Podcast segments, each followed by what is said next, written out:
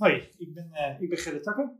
Ik ben slager op, uh, in Utrecht op de Beeldstraat en ik ben een biologisch slager. Biologische landbouw kenmerkt zich door een kringloop die binnen het bedrijf plaatsvindt.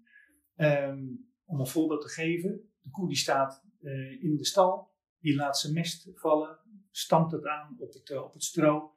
Aan het einde van het jaar gaat die hele mesthoop um, het land op. Daar wordt vervolgens graan verbouwd. Het graan naar de bakkerijen toe.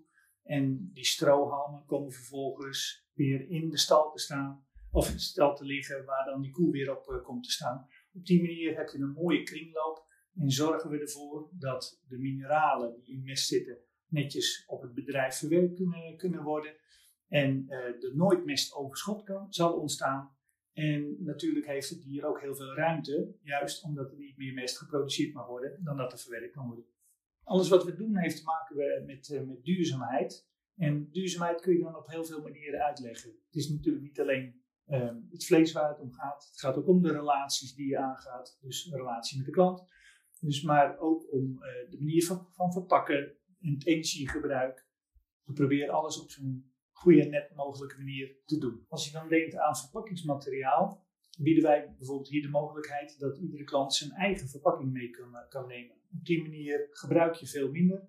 Uh, daarnaast uh, is het uiteindelijk natuurlijk veel beter voor het milieu. Dat doen we in samenwerking met de klant. Het leuke is eigenlijk dat die klant dat al jaren weet, bewust om die reden bijvoorbeeld ook bij ons komt. Naast particuliere klanten hebben horecaklanten ons ook weten te vinden en zijn we best leuke um, samenwerkingsverbanden aangegaan. Met onder meer Springhaven, een restaurancier, Brouwerij De Lekkere. Waar we bijvoorbeeld ook um, worstjes maken met biologisch bier, wat van hunzelf is, door ons verwerkt wordt. Ik heb altijd nog de ultieme droom om samen met de klanten een windmolen uh, gezamenlijk aan te schaffen en die bij een biologische boer in de buurt uh, neer te zetten als uh, consumentencoöperatie. Ik wil iedereen eigenlijk oproepen om um, na te denken over hoe men omgaat met, uh, met voeding. Wacht niet tot morgen. Werkelijk willen is doen. Begin dus vandaag.